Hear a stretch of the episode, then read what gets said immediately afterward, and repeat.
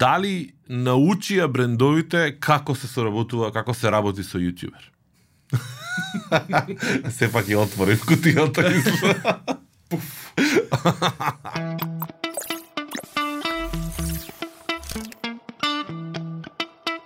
Добродојавте во новата епизода на Комкаст, епизода 87, поред ако не се лажам, епизода во која што е, насловот ќе не биде зборуваме за YouTube, ама сериозно.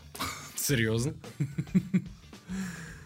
А, сакав да им дадам шанса и да ги повикам и да зборувам со луѓето кои што се креатори на содржина, кои со луѓето кои што она баш се секој божи ден во темата и живеат со тоа и така натаму. И еден од првите луѓе со кои што а, имам позитивно искуство муаве да правам на темата е Иван. Иван, добре дојде премиерно во Комкаст. Здраво, здраво. Имајќи те предвид теби, твојот стил и твоите објави и лудори, лудори, лудори што ги правиш и подвизи, uh, кои што онака во голема мера ги, ги почитувам, uh, затоа реков дека треба да напоменеме за озбилно. Да, да не се смееме, значи.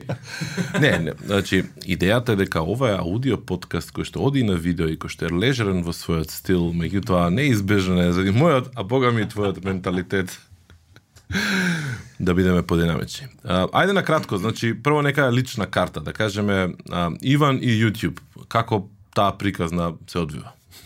Као се одвива? Како почна? Као ка- почна, као се одвива, да не, да не бидам клише као сите муавети што сум ги правил до сега, сум почнал многу рандом, стварно рандом, што што не сум ни знаел што е тоа YouTube, сум влегол на YouTube. Значи први не сум почнал со YouTube, па после сум научил што е тоа YouTube. Се што текна време, затоа што не знам, ете ќе ќе кажам дека сум од првите, не сум од првите, ама ама се уклучив у периодот кога кога YouTube стварно онака стана доста тренди ствар. Онака не се уклучив намерно за тоа што е тренди, туку баш онака у периодот кога ја почнав да креирам, тогаш стана тренди и валјде заради тоа и повеќе а, да не го лупам Вајле заради тоа и а, многу луѓе полесно ме дознале, што знам, пошто као као тече времево, се полесно и полесно станува да се да речеме пробиеш, најпросто да се изразам да се пробиеш на YouTube сцена. А, затоа што веќе се се знае што е YouTube. Сваѓаш као луѓето веќе пратат YouTube као на дневна база и не име нешто ново чудно. Интересно, викаш како сега пошто луѓето знаат е полесно да се пробиеш. Да. Тоа значи дека е се уште бришан просторот многу лесен за да видиш ти доминантен за да те препознаат луѓе да добиеш followers, сега е полесно него пред 2-3 години. Да, да, дефинитивно, пошто значи многу од луѓето кои што до пред некое време не ни им текнувало да отворат YouTube или го отварале YouTube само за музика да слушаат и уште постојат такви, вајда би ме разбрале, би се пронашле тие што слушаат. А, али се почесто им станува онака секојдневна рутина да отворат YouTube и да, да гледаат онака јутуберско видео. И сега ми е мило што што у задње време искачаат и нови фацки кои што прават многу по различен контент, сваеш као бегаат некако од шемата и прават разно разни ствари, така да секој може онака да си најде на YouTube да си гледа тоа што сака да си гледа, дури и на македонски. А, иницијално мислев дека првин ќе те- тра- сакам да зборуваме за оној другиот дел странскиот глобалниот етнидоите, ама ете рандом ни влеземе овој во во во Македонија и во македонската сцена. А, колку е во која фаза е сега таа македонска YouTube сцена? Значи имаше некои први фази, втори, четврти, пети, до кај сме? Кои се тие фази? Може ли некако да ги се обидеме да ги да ги врамиме? Да пишеме некоја литература, учебник, фази на добре, YouTube. книга една има. историја. а, види, нема некои фази. Да, технички кој ќе видиш има некои фази, е доста висока фаза, може уште да се билда, али како што кажав е во некоја фаза која што може да се да се смета јутубер како професија. И не не е ни срамота, мислам веќе да се каже, може би за некого е, ама сметам дека не треба да биде пошто ја кога почнав ти декна како и што работиш јутубер, што се глупираш ти декна. Као не не го сваќа сериозно како што е нели муабетов сега сериозен, не го сваќа вака сериозно. Дај ми еден пример конкретен, да речеме не од твои врсници, туку некој посериозен, може би родители, баба и слично, а, кои што еве изреагирале позитивно на тој момент што се занимаваш, јас сум јутјубер или работам за YouTube, пошто ти работиш и друга содржина за други луѓе за повторно за YouTube како канал. Види конкретно моите по дома ме поддржувале уште од старт. Мислам као да, може да ги ги кажувале тие као глупости, што снимаш глупости, ама ама знаеле дека ми е мерак, знаеле дека дека си ја гледам еднината у тоа и не ми замерувале. Стварно ме поддржувале, стварно ми ги гледале сите ствари што сум ги вадел и ден денес ми ги гледа, значи баба ми, дедо ми, директно им дав телефон, еве да ми гледате YouTube видео, стварно ми гледаат а, и ми е многу мило и приметувам дека дека има постари луѓе кои што кои што ме пратат, ама ја не можам онака да да им влезам со со мајндсет, еј, гледајте ми ги стварите што ги вадам затоа што разбирам дека они се растени во друго време, дека дека не можат онака да се поистоветат, не им било во тренди, они се растени во време на телевизија. И сега ја доаѓам и пробувам да се уклучам во светот каде што main entertainment, она главно е YouTube, pretty much, мислам телевизија се повеќе се изфрло од употреба да бидеме реални, мислам сагале некеле тоа е реалноста. И сега, јас сум се уклучил некако, сум се убацил у таа шема и е, замисли децата, што сега, сега се деца, кои ќе дојдат на мои години, ќе има нови ствари откриени и мене тие ќе ми бидат чудни. Сваеш, јас за нив ќе бидам бумер, кој што сега се бумери за нас ќе бидам ја бумер и можеби нема толку лесно да ги разбирам. Така да не им замерувам на никој што се постарата генерација, што што не пратат или што не го сметаат ова за озбилна работа, што не им е интересно. Мислам, сосема ми е разбирливо свеш, као си ги гледам онака статистиките на age range колку ме гледаат, колку се стари луѓето што ме гледаат. И сега има деца има постари од деца и малку постари од постари од деца. Тие што се као малку постари од деца се се највеќе, тие малку како да ги кажам age range од 35 и сега до 40, од 40 ја познавам луѓе што ме гледаат, ама ама се проречуваат. Свеши ми е тоа сосема нормално и разбирливо и така и треба да биде, на, мислам на, на прав пат е светот, ништо не е чудно. А, добро, Македонија не може да отстапи толку многу од главните трендови, само малце касни, нели? Да. Нормално. а, колку, ајде ќе стигнам до следното прашање, колку да речеме ти во твоите а, видеа сега, размислуваш за која ти е публиката, правиш анализа и кажеш, аха, ова за оваа публика ќе помине подобро или ќе биде подобро или малце и за незе да се посветам, да направам содржина малку за другава, малку за оваа. Колку на тој начин размислуваш во смисол а, кога седнуваш да правиш, ако воопшто правиш план за за снимање на видео? А, види, порано многу поише размислав, многу поише поише. Никад не сум не размислувал ја многу на, на тема YouTube, чекај што да снимам за да успее такви ствари порано сум размислувал, сега повеќе размислувам што сакам ја да снимам и тоа што ќе го снимам да ми биде онака стварно од душа, да го да го презентирам на начин на кој што јас сакам, затоа што публиката може да бара нешто. Сееш, а, а не може да ме контролира мене како јас да размислувам и како да да снимам, затоа што ипак они бараат од мене нешто. И, и треба јас да им пружам тоа што што знам јас, како што сум им пружал кога сум почнал, како што до сега сум им пружал, мојата уметност да им ја презентирам на нив.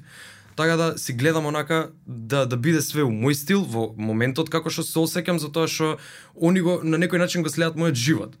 И, и сакам да, да им го презентирам мојот живот, мојот расположение, мојот муд, да им го презентирам на сите, да видат како се осеќам, како размислувам, Ај сега втори дел прашањето. А, а, колкава разлика има и дали да речеме порано и сега, ти дефинирај си порано што значи што значи да. сега, на македонска YouTube сцена има помалку или повеќе содржина и полоша и по или подобра содржина? Многу релативно. Многу релативно има а, помалку креатори, а, аналогно на тоа и помалку содржина. Сега. Да, сега. Mm -hmm. Сега има помалку креатори затоа што од креаторите што биле порано веќе престанале со со јутуберство, како да кажам. А, така да има дефинитивно помалку креатори, помалку содржина, ама ќе кажам, не можам да кажам дали е подобра или полоша содржината, ама ќе кажам дека е подинамична. Дефинитивно затоа што некако не се копираат сите меѓу себе. Не би го кажал копирање, свееш не не важи тоа правило на YouTube уопште не важи за тоа што ако јас сум земал да разработувам иста тема што и ти си земал да ја разработуваш, тоа не се смета за копирање, тоа се смета за ете, разработуваме иста тема. Ти со твојот контент, јас со мојот контент. Тоа е тоа. А, така да не можам да кажам која е подобра, која е полоша. Мене најверојатно ми се свиѓа оваа повеќе затоа што има има поголема динамика и тоа го прави да биде онака по mature, по возрастно да се размислува на стварите за да да гледам кај секого различно.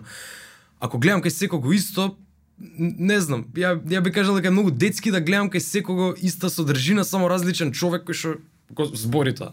Мојот генерален впечаток, јас се навлеков, да речеме пред година дена и пол отприлика на на да почнам да се сабскрајбам и секој божи ден да отварам YouTube и да прегледувам што каналите на кои што јас сум предплатен објавиле изминативе ден, 2, 3, 5. Значи предходно немав таква навика, знаев дека постои, знаев дека е тоа, е тоа, меѓутоа или не сакав или едноставно не може да најдам доволно а, насочена содржина која што мене ми ми будеше а, интерес. Сега веќе сум во тој филм, онака, а, сериозно и го сваќам тој момент на нели чекај вечер да седнам да прегледам што се објавиле луѓе што ги следам и така натаму. А, се научив и да брзо да прегледувам и да скокам и им влегуваш у ритамот во структурата, па знаеш со која брзина кај да премоташ и така натаму. И генералниот впечаток ми е дека за, во Македонија нема содржина за повозрастни луѓе. Значи нема содржина што може да задржи внимание на повозрастни. Лупам, нема ни, ни еден рибар, нема ни еден, не знам, е сега излезе некоја видео гледав за дечко со коли нешто за тионирање што зборуваше и слично. Меѓутоа, иако ти се класичните да речеме стереотипни машки во оваа ситуација теми, ама нема практични совети за дома, бољарот како да го исчистиш, мислам, некои такви ствари. А еден куп од луѓето ги гледаат тие содржини и сакаат да ги гледаат тие содржини. А, докај сме на таа тема? Гледате дека нешто се појавува, не успева, има некои обиди, очекувате дека некои овие сега младиве јутјубери што ќе пораснат, ќе почнат да произведуваат содржина за чистење на бољари. или... Па да, тоа, тоа е стереотипниот муавет, па морам мушка да... Зашто? Значи, мене ако ме прашаш, ја, ја не би го правил тоа од проста причина за да ги избегнам тие стереотипи, затоа што јас стварно по дома, с- поеш ако жена се осеќам. Не, ова ми е само пример, мислам, не навлегој од Значи, тоа, не само сакам да се не, Не, не насмеам. правил, ќе се викнам мајстор и ќе си го работам тоа што што си е моја работа, тој што е негова работа да поправа бојлери, нека да го поправа бојлери, али а, на прашањето да ти одговорам, има таква содржина, баш сасвим рандом запознав на, на Мекици бев, запознав еден дечко, абе јас имам YouTube канал за хортикултура, што јас не, не знам искрено што е хортикултура, му го отворив каналот, нешто садење, треба цвекиња, такви ствари, не знам. И сега гледам, ама добро, нема сабскрајбери, нема прегледи, не може толку лесно да се пробие, ќе се надоврзам на, на предходно тоа што го зборев, за тоа што постарата генерација не се толку навикнати да да пратат ствари на YouTube.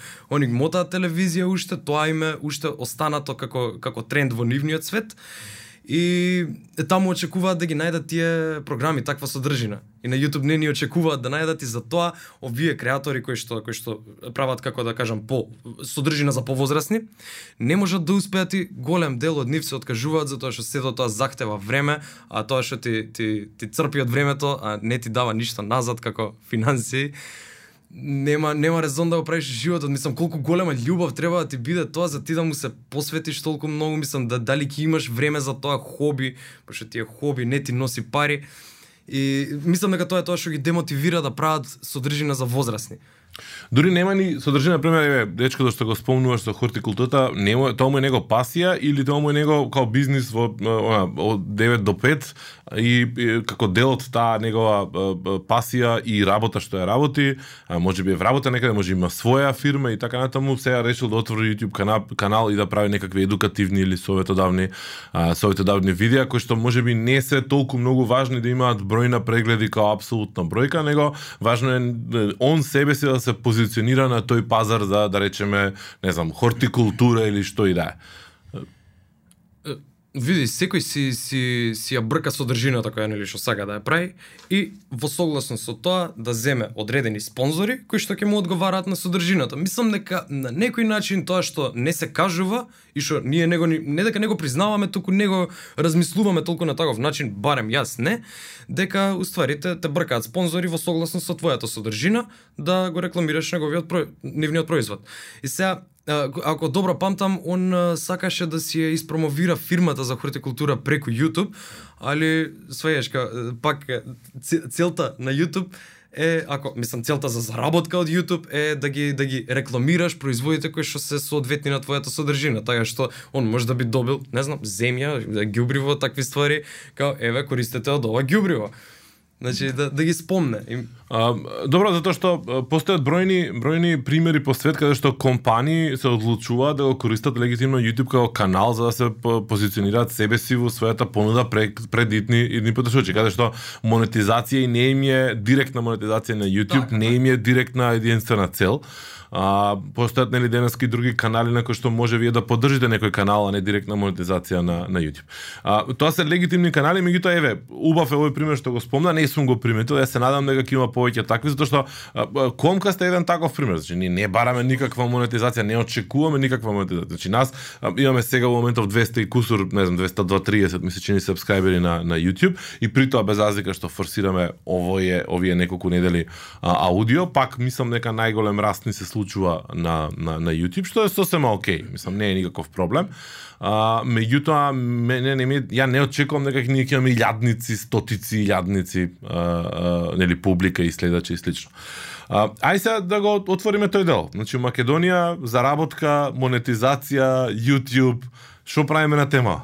Баш како што го кажа, види се, јас сум со тој мајндсет сега, да се надоврзам само на твојот муавет за, за Конкас и а, стварно, стварно е многу побитно да го правиш тоа што сакаш, отколку да, да бркаш нешто за, за поголема популарност, за повеќе прегледи, а, за повеќе пари.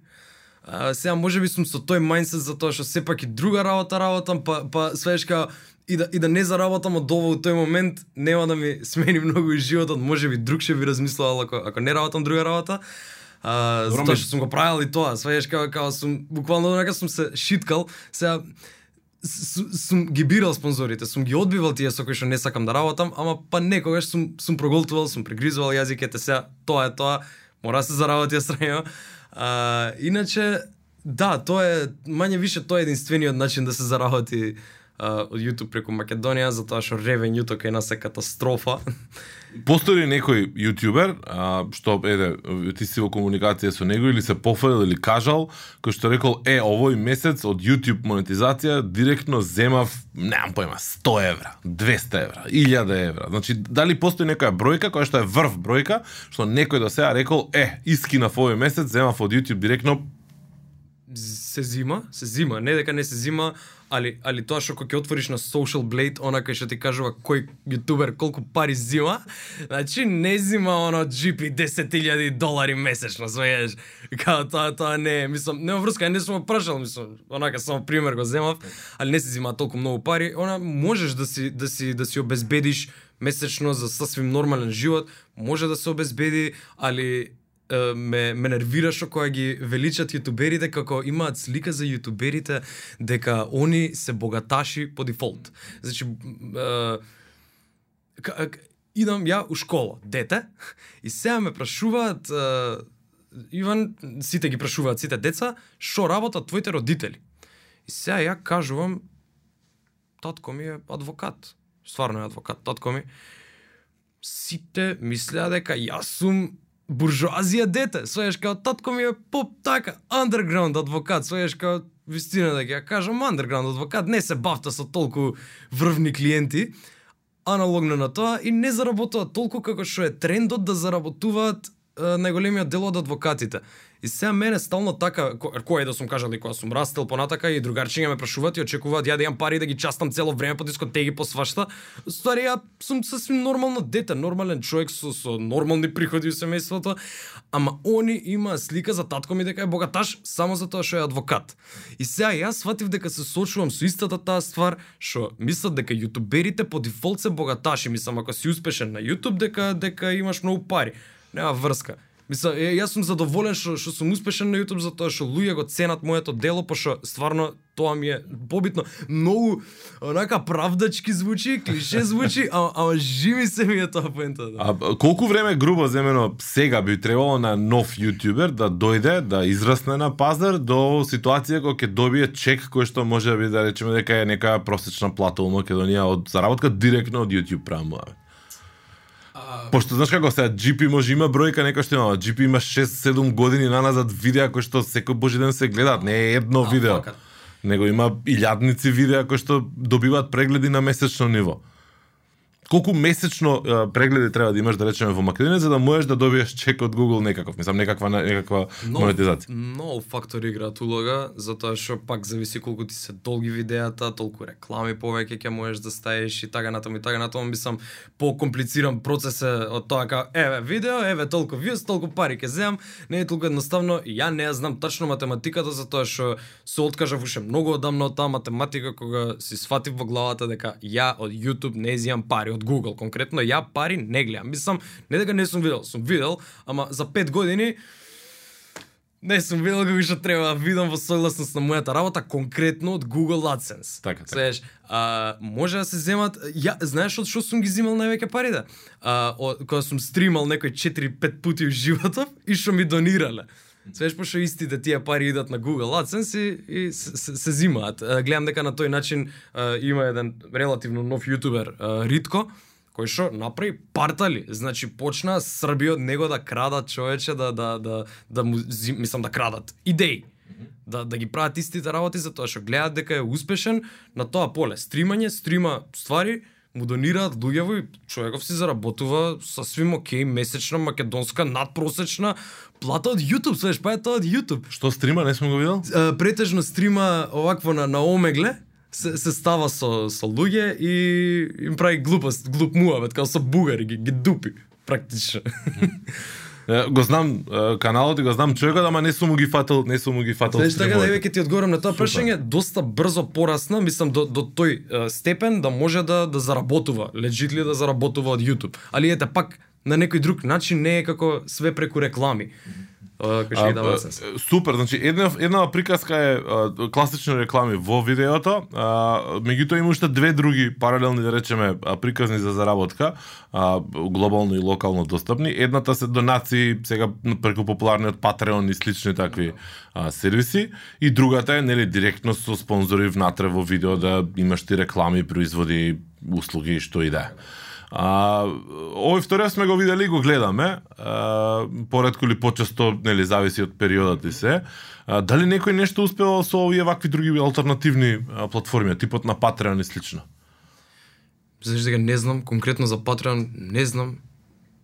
Али нема врска, претежно си оставаат или како има директна YouTube донаци, или има а, преку PayPal, ќе си остави линк од PayPal, кој сака нека донира. А, да, без разлика и тоа се важи, мислам се важи. Да, да, и, има да. има ефект тоа?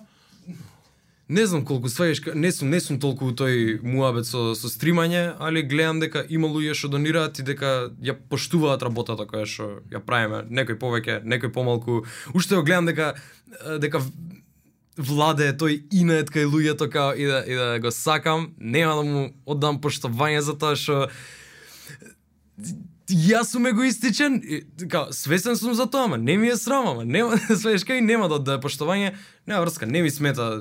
Јас конкретно не можам да се пожалам за тоа, затоа што ја стварно сум добил многу поише поштовање од тоа што сум очекувал кога сум дошол на YouTube, значи ја сега кога си гледам старите видеа ми е како можеле луѓе ова да го гледаат и ова да го испоштуваат, тоа нема смисла. Преска сакам да те прашам заборев, кај кај кога дискутиравме за локалната содржина за подобра повеќе помалку. А, дали се приметува на техничко ниво подобрување на квалитетот? Значи на страна, нели, окей, рековме кај помалку, има помалку креатори, меѓутоа дали е видливо а, подигнување на самиот квалитет а, технички на на, на видеата? Да, дефинитивно за тоа што и технологијата иде напред и ти да земеш и најобично телефонче, сега веќе тоа најобично телефонче снима у 4K човече, знаеш, ка, као порано, буквално тоа ни биле као не прашувале ние како е постари јутубери да кажам, не прашувале помлади као леле како да успеам, што да правам, дали ми треба опрема и така натаму и така натаму. А, И сега ние сме кажувале, бе, земи бе најобично телефонче, снимај се, снимај се што играш, не знам како сме им давале како по-конкретни примери сме им го преджвакувале на некој начин за да да им упростиме целата ситуација, иако да- е далеку од проста, е многу покреативно од тоа што сме им ја кажувале, ама пак мора да го насочиш да почне на некој начин за да тера натака. Е сега тоа телефонче обично како што кажав е многу поквалитетно од порано и што ти по дефолт и, и кој, кој да почне по дефолт да снима на YouTube ќе му биде доста квалитетно, релативно квалитетно. А, самиот софтвер со кој што се едитираат видеа е, не можам да кажам поквалитетен, ама сите информации се подостапни, how to тоа и тоа, све имаш, значи ја After Effects ден денес кога отварам, 5 од 10 пати јас пишувам how to тоа и тоа. Ја не можам да да да да, да седнам да го научам After Effects, немам време, свееш, реално. Ама ама ми помага сето тоа и сите информации ми се достапни и затоа мислам дека и квалитетот се подобрува воопшто на на целата содржина која што има на YouTube. Као онага се се гледа и по на на production value се се гледа поише е, дека расте, свееш као дека не не е за џабе сето тоа.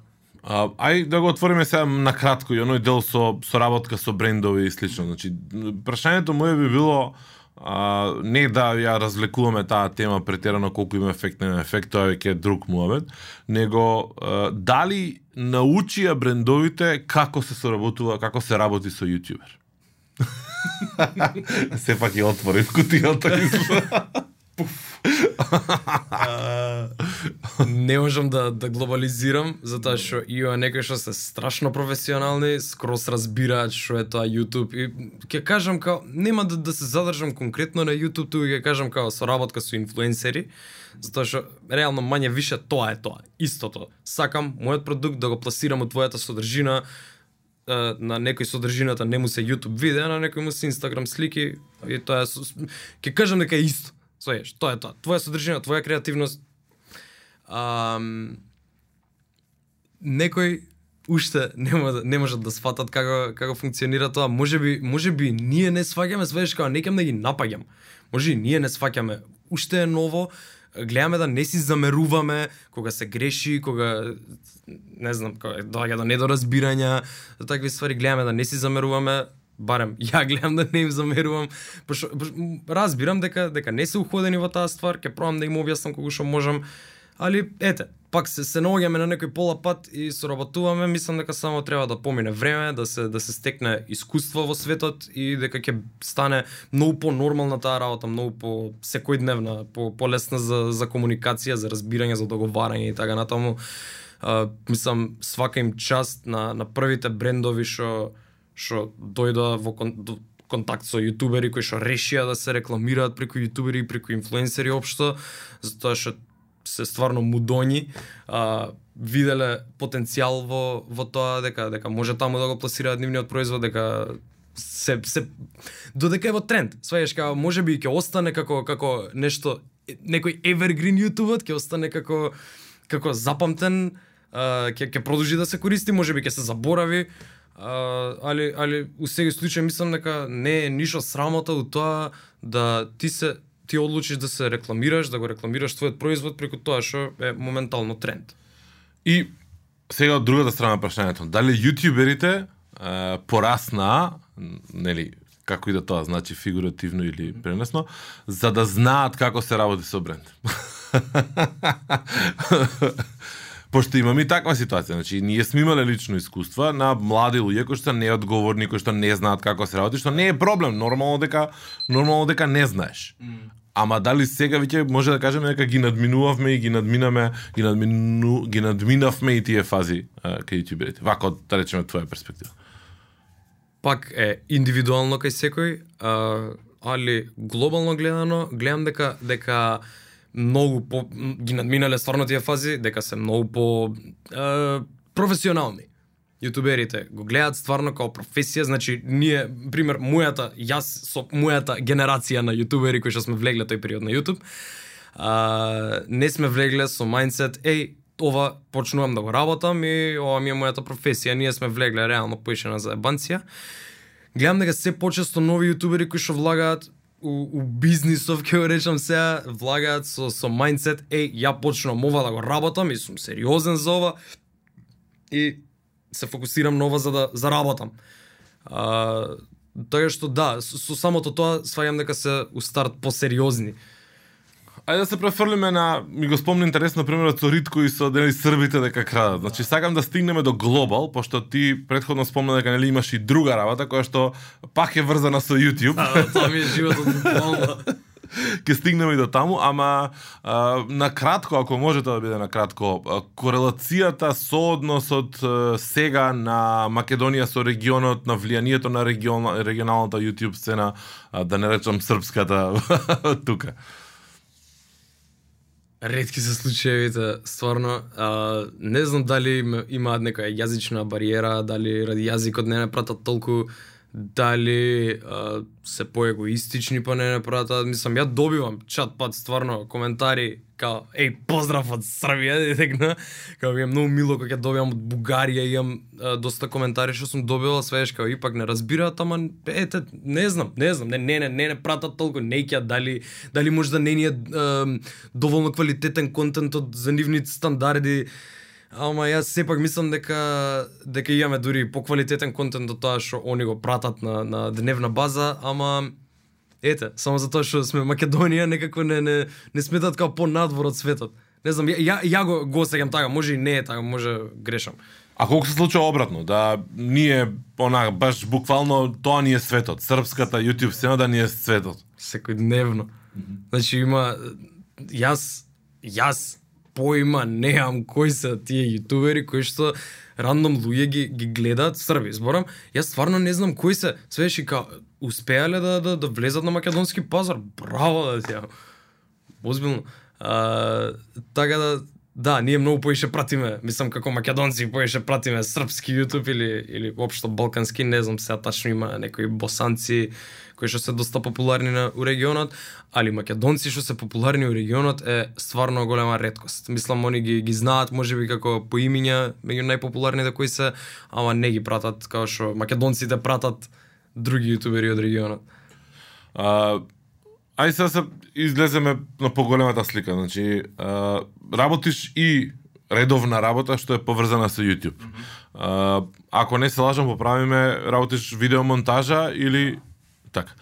Uh, ајде, дај ми малце повеќе инфо за тоа. Значи, работиш во компанија која што работи и изнајмува услуги за видео едитинг, видеомонтажа за јутјубери и правите какви типови на видеа, кои се тие глобални трендови, што го гледаш како uh, на каде оди цела приказка и така нато. Да, значи јас сум едитор на на странски јутубери кои што се стварно стварно популарни, кај имаат по 10 милиони плюс сабскрајбери А, и највеќе трендот, конкретно за тие што ние ги работиме, моментално е reaction videos, као реагираат, гледаат некое видео и реагираат на тоа. Озбилно. Нека да, нека да, да знаеш. Припадам Зна, стварно јас од увек сум јадел гомна за тие uh, reaction channels, од како почнав да работам, повеќе почнав да ги сваѓам, али со тоа што што ги работам, ги гледам од старт сите грешки кои што ја доколку ви снимал такви видеа, ја не би сакал да ги правам. Свееш како на некој начин ми се школа, рака ми увидуваат на грешките пред да ја да ги направам. така да тоа ми е позитивната ствар тоа. А, може да бидат reaction channels интересни, ако се, се направи се тоа на интересен начин. А, мислам дека конкретно монтажата на видеото игра многу голема улога, значи ти да седнеш пред камера и да, да збориш и да, и да си досаден, ако имаш добра креативна монтажа на сето тоа, интересни ефектчиња, музика да погодиш такви ствари, затоа што видеото е многу комплицирана ствар, свееш као не, не е толку просто онака е го снимив, интересен сум или не сум интересен. Ти можеш да го да го извитопериш да стане од најдосадно да стане најинтересно, од најинтересно да стане најдосадно.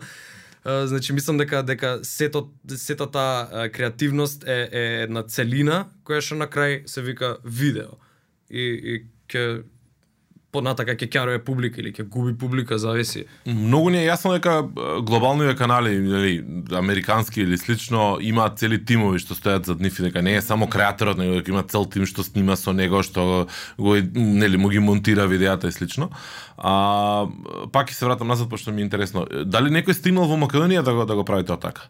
Да има доволно простор во во својата професионална YouTube кариера за да може да ангажира уште еден двајца луѓе кои што ќе работат со него заедно на на канал. Не да се појава на кам, пред камера на видео, мислам иако и тоа не е случајно, туку позадински.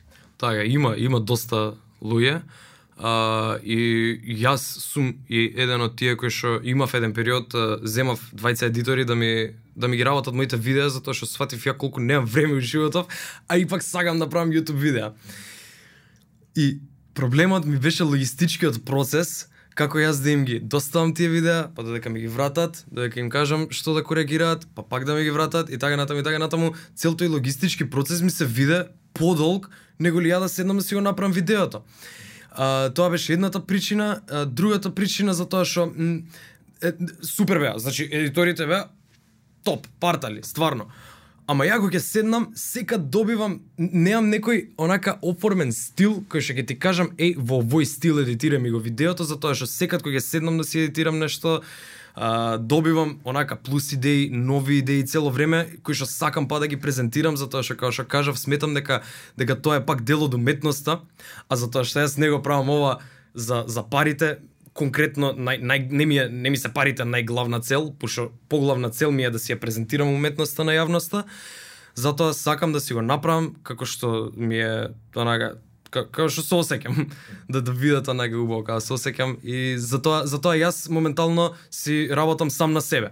Али знам за други кои што кои што си имаат изнајмено камерман, си имаат а, друг изнајмено едитор кој што цело време работи на нив и тоа е значи ептен се огледа тоа како работа, како професија конкретно и мислам дека е сосема окей. Има има луѓе кои што кои што јадат гомна за нив. Као е како бе тоа он он е јутубер ли? а, друг му ги прави видеата, друг му ги снима, о, друг му договара спонзори, друг му договара гости во емисија, не знам што, ма добро е, тоа ти е работата, нема врска. Работиме на Се YouTube каналот ако ми се вика Иван, не знам чега сум само јага, работиме за YouTube каналот Иван. Јас сум Иван основачот на тоа и јас сум си направил тим. Мислам дека сам дека да ги оправдам. На некој начин Да, ги да. оправдувам, си да ги оправдувам. Супер, од една во една улога се јаваш како како креатор, кај што не може да се погоди нели со едитор, пошто има идеи, во друга улога се јаваш како едитор на друг креатор, кој кој што веројатно тоа супер функционира. А, постои ли некоја магична, да речеме, линија која што вика, е, а, треба да се осетиш со креаторот а, како едитор за да може да си ги погодите езиците и стилот и се за да функционира. Или едноставно механичка работа со tips and tricks која што нели ја работиш. Мислам, кај е тој тој фајнал лайн? Пошто знам дека многу е тешко ти да бидеш онака едитор на на на, на некој кој што ти му влиеш на стилот на изразување, му, влиеш на пораката што ќе ја кажеш. Особено кога ние со брзи катови, а, нели, она стопати а, преснимувани видеа кај што се сечат а, работи и кај што ти една реченица ја крираш на, на сплет на зборови, Mm. Сикам добро, че, значи сам не го правил ова човекот, Да. некој е, едитор го правил. Да, сега, да, Види, а, Како изгледа сите, сите јутубери што ги работам, уствари знаат да едитираат видеа, не, они не дека не знаат, ама го прават од истата причина, мислам, најмуваат едитори ка, као мене, а, затоа што немаат време да постигнат, они сакаат по видео најмалце, по едно видео дневно да аплодираат на нивниот канал. Тоа е,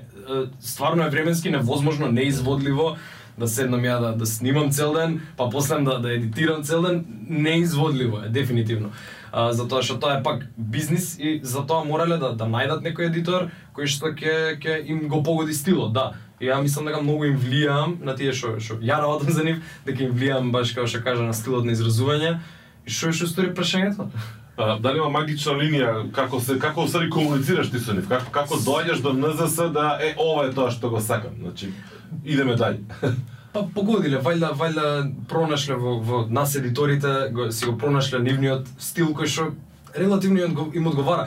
А, јас верувам дека дека многу работи поразлично би ги направиле, ама мислам дека компензираат на некој начин како па па и ова не е лошо. Побитно ми е да го имам видеото, да објавам видео отколку да биде најако у свет.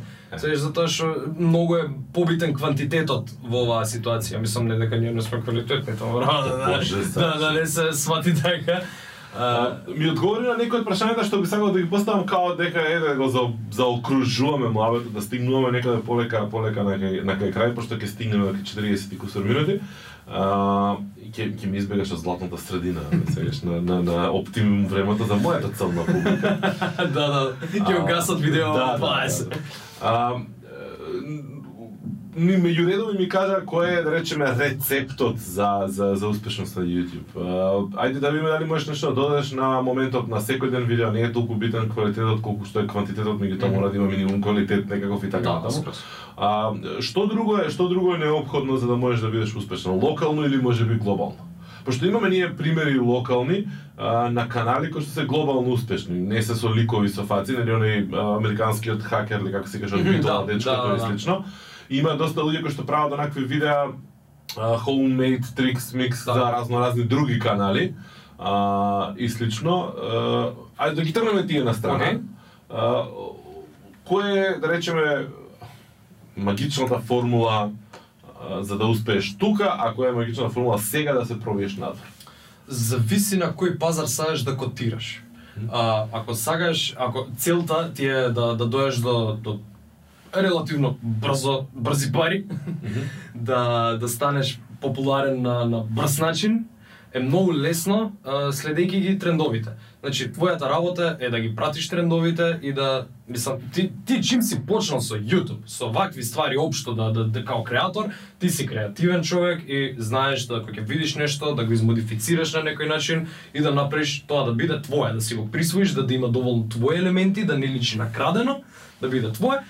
Ако ги пратиш трендовите, тоа е многу лесно, значи целата твоја харизма ја преточуваш во трендовите и луѓето полека полека те, те дознава, Мислам се тоа е ќе ќе ти треба еднаш да ти се посреќи, тре- али а, те, те, прифаќа публиката.